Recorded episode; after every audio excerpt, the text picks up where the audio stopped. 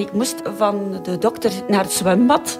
Mijn dochter ging heel graag zwemmen. Dus zij ging gewoon om mij te steunen mee naar het zwembad. Zij ging dan zwemmen en ik ging, je moet het je voorstellen, als volwassen persoon gaan kruipen in een kinderbad. Leren leven met een chronische ziekte, dat betekent dat je leven fundamenteel verandert. Het betekent een kruis door bepaalde activiteiten. Het is een uitdaging, elke dag. De patiënten die getuigen in deze podcast leven met een reumatische ontstekingsziekte. Ze doen er alles aan om het beste leven te leiden dat mogelijk is, ondanks hun ziekte. Alles om het doel te bereiken dat remissie heet. Alles om een normaal leven te leiden, simpel gezegd. Ze leggen uit hoe hun ziekte hun leven verandert en hoe ze de dagelijkse beproevingen doorstaan. Ze vertellen over hun diepste wensen en hun hoop voor de toekomst. Samen praten we erover. In deze episode is het Karen met reumatische artritis die vertelt over haar ervaring.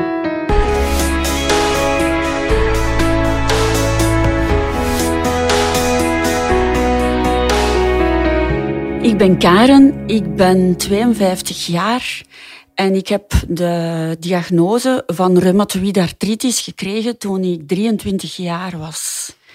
Dus dat is ondertussen zoveel jaar geleden. Ehm, ik ben door mijn ziekte op uh, vervroegd pensioen gezet, want ik was eigenlijk een kleuterleidster. Ik heb uh, artritis, dus RA zoals ze in het kort dat zetten.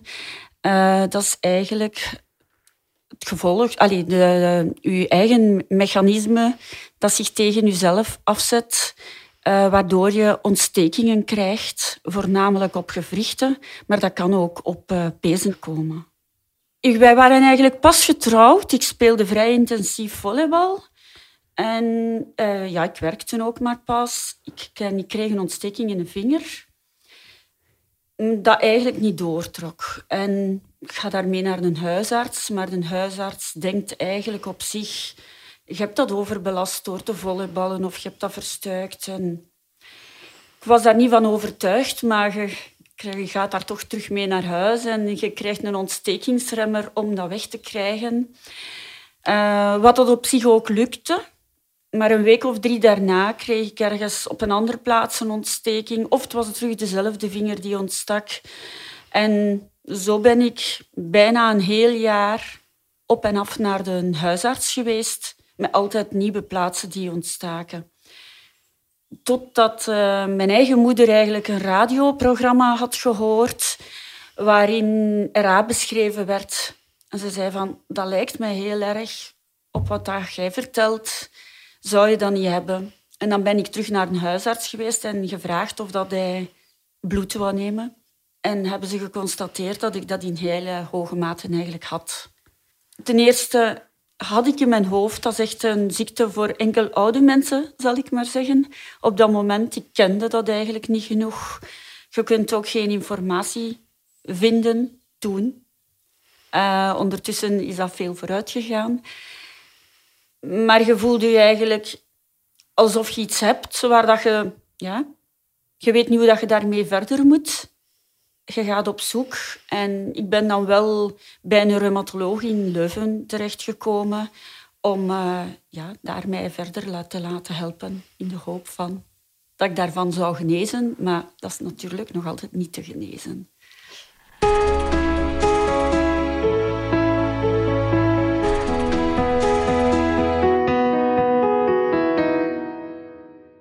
Wij hadden een kinderwens, maar wij zijn dus naar de reumatoloog in Leuven geweest.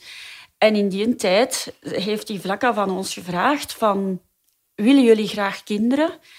En aangezien wij direct gezegd hebben van ja, wij willen heel graag kinderen, zei mij eigenlijk van dan kunnen wij u niet direct veel verder helpen op dit moment, buiten de ontstekingsremmers die je nu neemt. Maar al de zwaardere medicijnen die in die tijd bestonden, mocht je niet nemen als je zwanger wou worden. Ik heb dan het geluk gehad om wel zwanger te worden. En eigenlijk tijdens mijn zwangerschap voelde ik me perfect.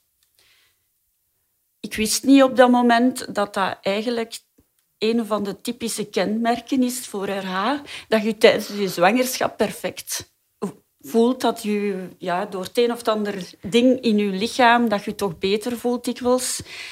Um, en daardoor twijfelde ik eigenlijk of mijn diagnose wel juist was, maar dat bleek als ik één dag bevallen was, ik was niet van één, niet van twee, maar wel van drie bevallen. Dus dat was een vrij zware bevalling.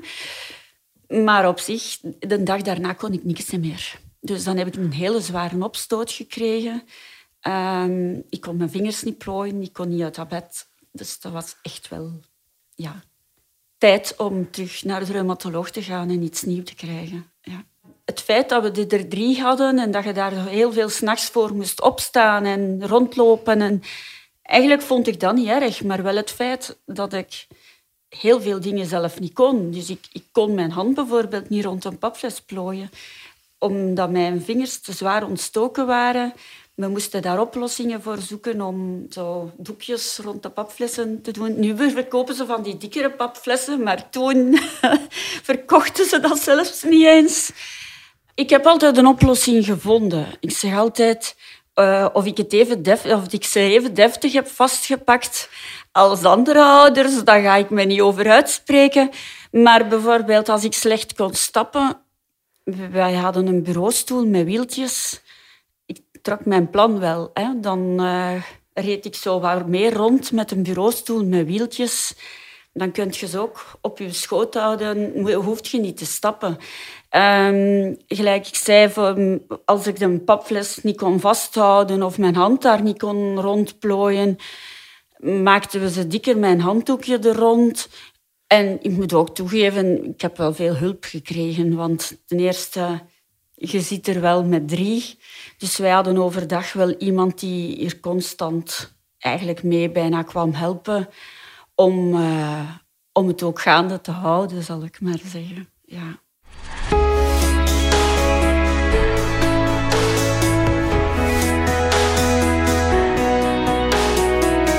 Naar het koken toe of eten maken, dat soms problemen waren uh, waar dat we een oplossing voor moesten vinden.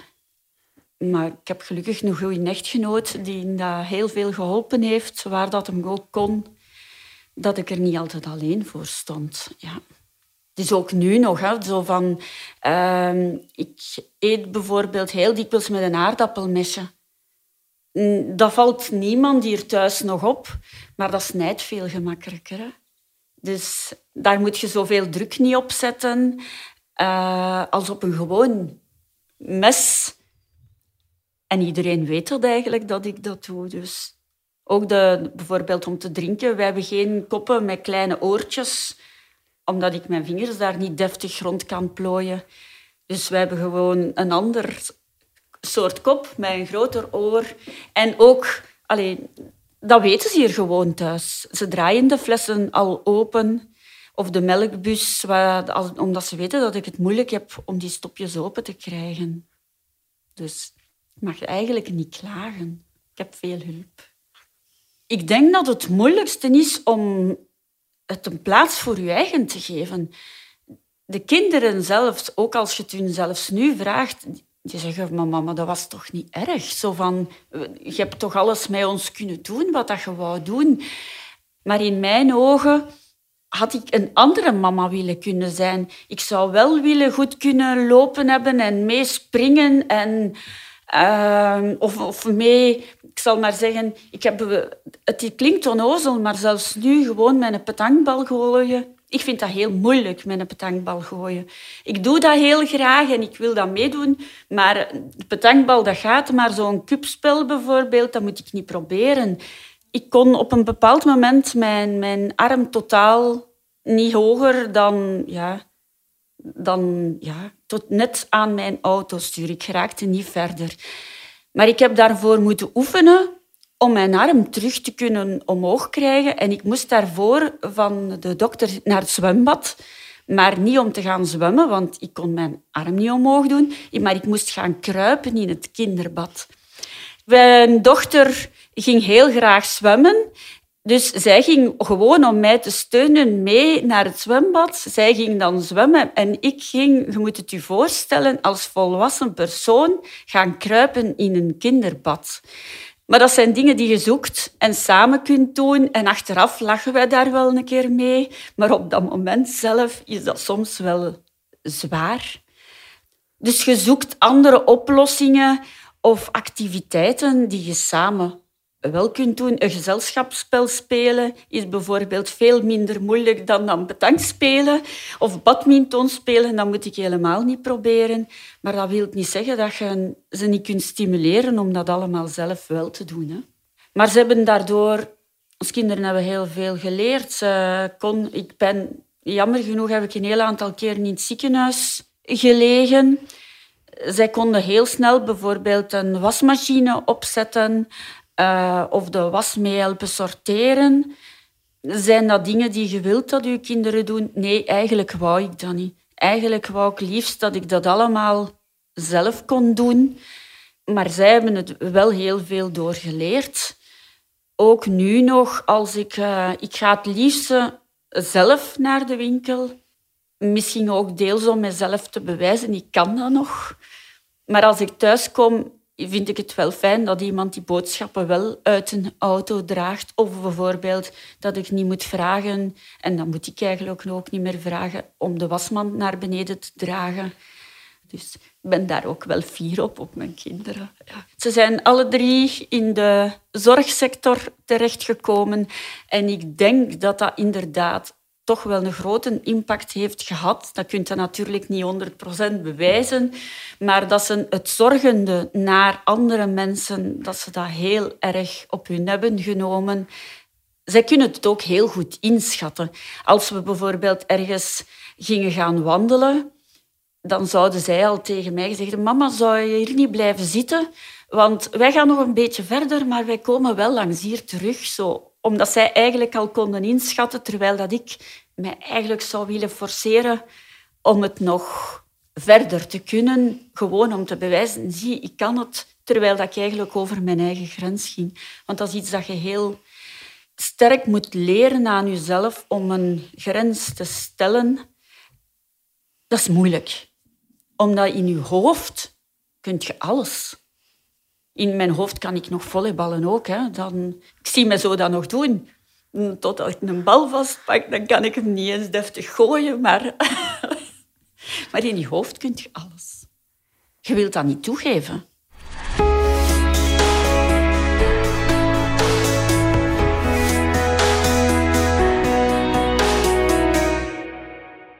Ik kon mijn vingers niet genoeg gebruiken. Ik stond dan bij de kleuters.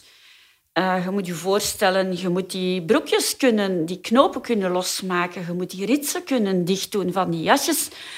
Uh, ik had gelukkig een heel goede collega. En die zei s morgens al, ik kom wel helpen, ik zie het aan je ogen. Maar langs de andere kant waren de ouders ergens blij als ze bij mij in de klas zaten. Die kleuters konden altijd heel snel hun jas vastmaken. Dat was ook gewoon omdat we dat dan ja, extra oefenen op momenten dat ik het wel deftig kon. Er zijn ook heel veel ouders die nooit geweten hebben dat ik eigenlijk een, een vorm, alleen een chronische ziekte had. Ik, ik vond dat niet fijn om dat te vertellen aan de mensen. Ik zou nog liever verteld hebben dat ik gevallen was dan dat ik zou zeggen van ja, ik ga hier nog een jaar zo verder manken. Ik was uh, dus een kleuterleidster, stond in eerste kleuterklas, waar dat, de jongste van de eerste kleuterklas, geprobeerd om verder te kunnen. Maar uh, ik werkte in het begin voltijds. Ik ben dan voor mijn eigen gezondheid naar halftijds gaan werken. Je kunt dan een tijd voor hebben totdat op een bepaald moment uh, ze u toch zeggen van je wordt opgeroepen naar de specialist geneesheren die voor het onderwijs instaan. Die vroegen aan mij zo van, ziet je het zelf nog zitten? Ik zeg, ja. Ik zeg, ik kom terug. Ik, van, ik had een dubbele longontsteking gehad. Ik was heel zwaar ziek geweest. Ik zeg, ik ga herstellen. Ik kom daar terug bovenop. Um, maar ik kon op dat moment geen een van mijn beide handen gebruiken. Uh, ze hebben mij de kans gegeven om opnieuw opgeroepen te worden na een paar maanden. Met de tegenslag dat ik op die momenten totaal niet kon stappen. En ik zei, eh, ja, maar laat mij werk doen op eh, het secretariaat of geef mij een andere taak. In de klas kon ik niet staan, maar laat mij komen. En ze hebben gezegd, we gaan het bekijken. En drie dagen daarna heb ik een brief gekregen waar dat letterlijk in stond. En dat vind ik een hele moeilijke. We hebben de eer en het genoegen u te laten weten dat wij u op vervroegd pensioen hebben gesteld. Dat heb ik nooit gewild. Ja. Ik was maar 41. Onze kinderen zaten begin het middelbaar. Ze nemen gewoon... Ze nemen hun werk af, maar ze nemen ook volledig uw loon af.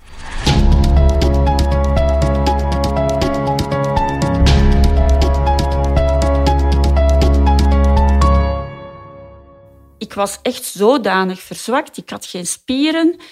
Dus je moet alles terug leren. Als ik daar heel eerlijk in ben, dan ga ik zeggen dat ik uh, denk dat ze dik 23 jaar hebben zitten zoeken om mij een beetje stabiel te krijgen.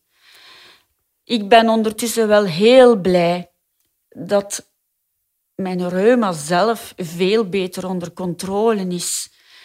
Niet alleen hebben ze veel medicijnen, veel nieuwe medicijnen uitgevonden die veel beter werken, maar ik heb er ook geleerd om naar mijn eigen lichaam wel te luisteren. Ik kan op voorhand al een beetje anticiperen, zal ik maar zeggen, om ermee om te gaan. Als we s'avonds, nu natuurlijk niet, maar s'avonds een keer weggaan, dan weet ik van, ik moet overdag niet eerst naar de winkel gaan gaan en nog, ik zeg maar iets, uh, keer stofzuigen. Ik moet dat niet doen. Ik, uh, ik moet me die een dag eerst rustig houden en dan kan ik daar s'avonds nog wel van genieten. Ik moet wel op een bepaald moment moeten we naar huis. Maar dat is iets waar dat je leert aan aanpassen, maar dat moet je leren. En je zit niet alleen. Ik, ja, mijn echtgenoot weet dat ondertussen ook. De vermoeidheid is een van de hele moeilijke factoren om je bij neer te leggen. Ik ga graag slapen, omdat ik me echt voel dat ik dat nodig heb. Als ik hier zou blijven zitten, dan val ik gewoon in de zetel in slaap. Maar dan, dus ik ga op tijd gaan slapen, maar na een uur of drie ben ik wakker. En wij hebben bewust al uh, twee aparte dekbedden omdat mijn voeten doen altijd pijn. En mijn voeten, ik zal maar zeggen, ik kan niet verdragen dat die warm zijn.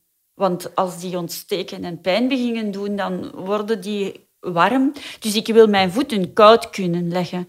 Dus daarom hebben we al twee aparte dekbedden, dat ik gewoon mijn voeten uit het dekbed kan leggen in de hoop van dat die rustiger zijn. Wij hebben ook ons bed aangepast. Wij hebben een hoger bed, omdat ik daar s'nachts ook niet deftig uitgeraakte. Omdat dat, dat is stijf en dat doet nog meer pijn, maar je moet toch eens naar het toilet. En als ik dan moet mij uit een lager bed rechtduwen, dat kost veel te veel moeite. Dus we hebben ook een hoger bed. Als morgens wakker word, ik zit altijd eerst een beetje, ik zal maar zeggen, mijn handen al een beetje te kneden en te doen, mijn voeten een beetje proberen te draaien en wat los te maken. Maar dat weet ik ondertussen. Het is ook zo, je zult mij bijna nooit op blote voeten zien lopen, want dat kan ik niet. Het gaat nu op zich vandaag de dag veel beter dan een heel aantal jaren geleden. Maar het is ook zo, ik ben thuis, ik ga niet meer werken, maar ik kan wel iets doen, maar ik moet het allemaal opsplitsen. Ik kan stofzuigen, maar dan stofzuig ik alleen dan ga ik daarna niet alles nog poetsen en alles nog uh, verplaatsen. Of ik ga naar de winkel, dan zet ik de boodschappenzakken gewoon neer en dan blijft die een tijdje staan. Zo van, ik ga dat niet allemaal ineens. Maar dat zijn dingen die je moet leren. Maar daardoor kan ik mijn lichaam wel beter onder controle houden.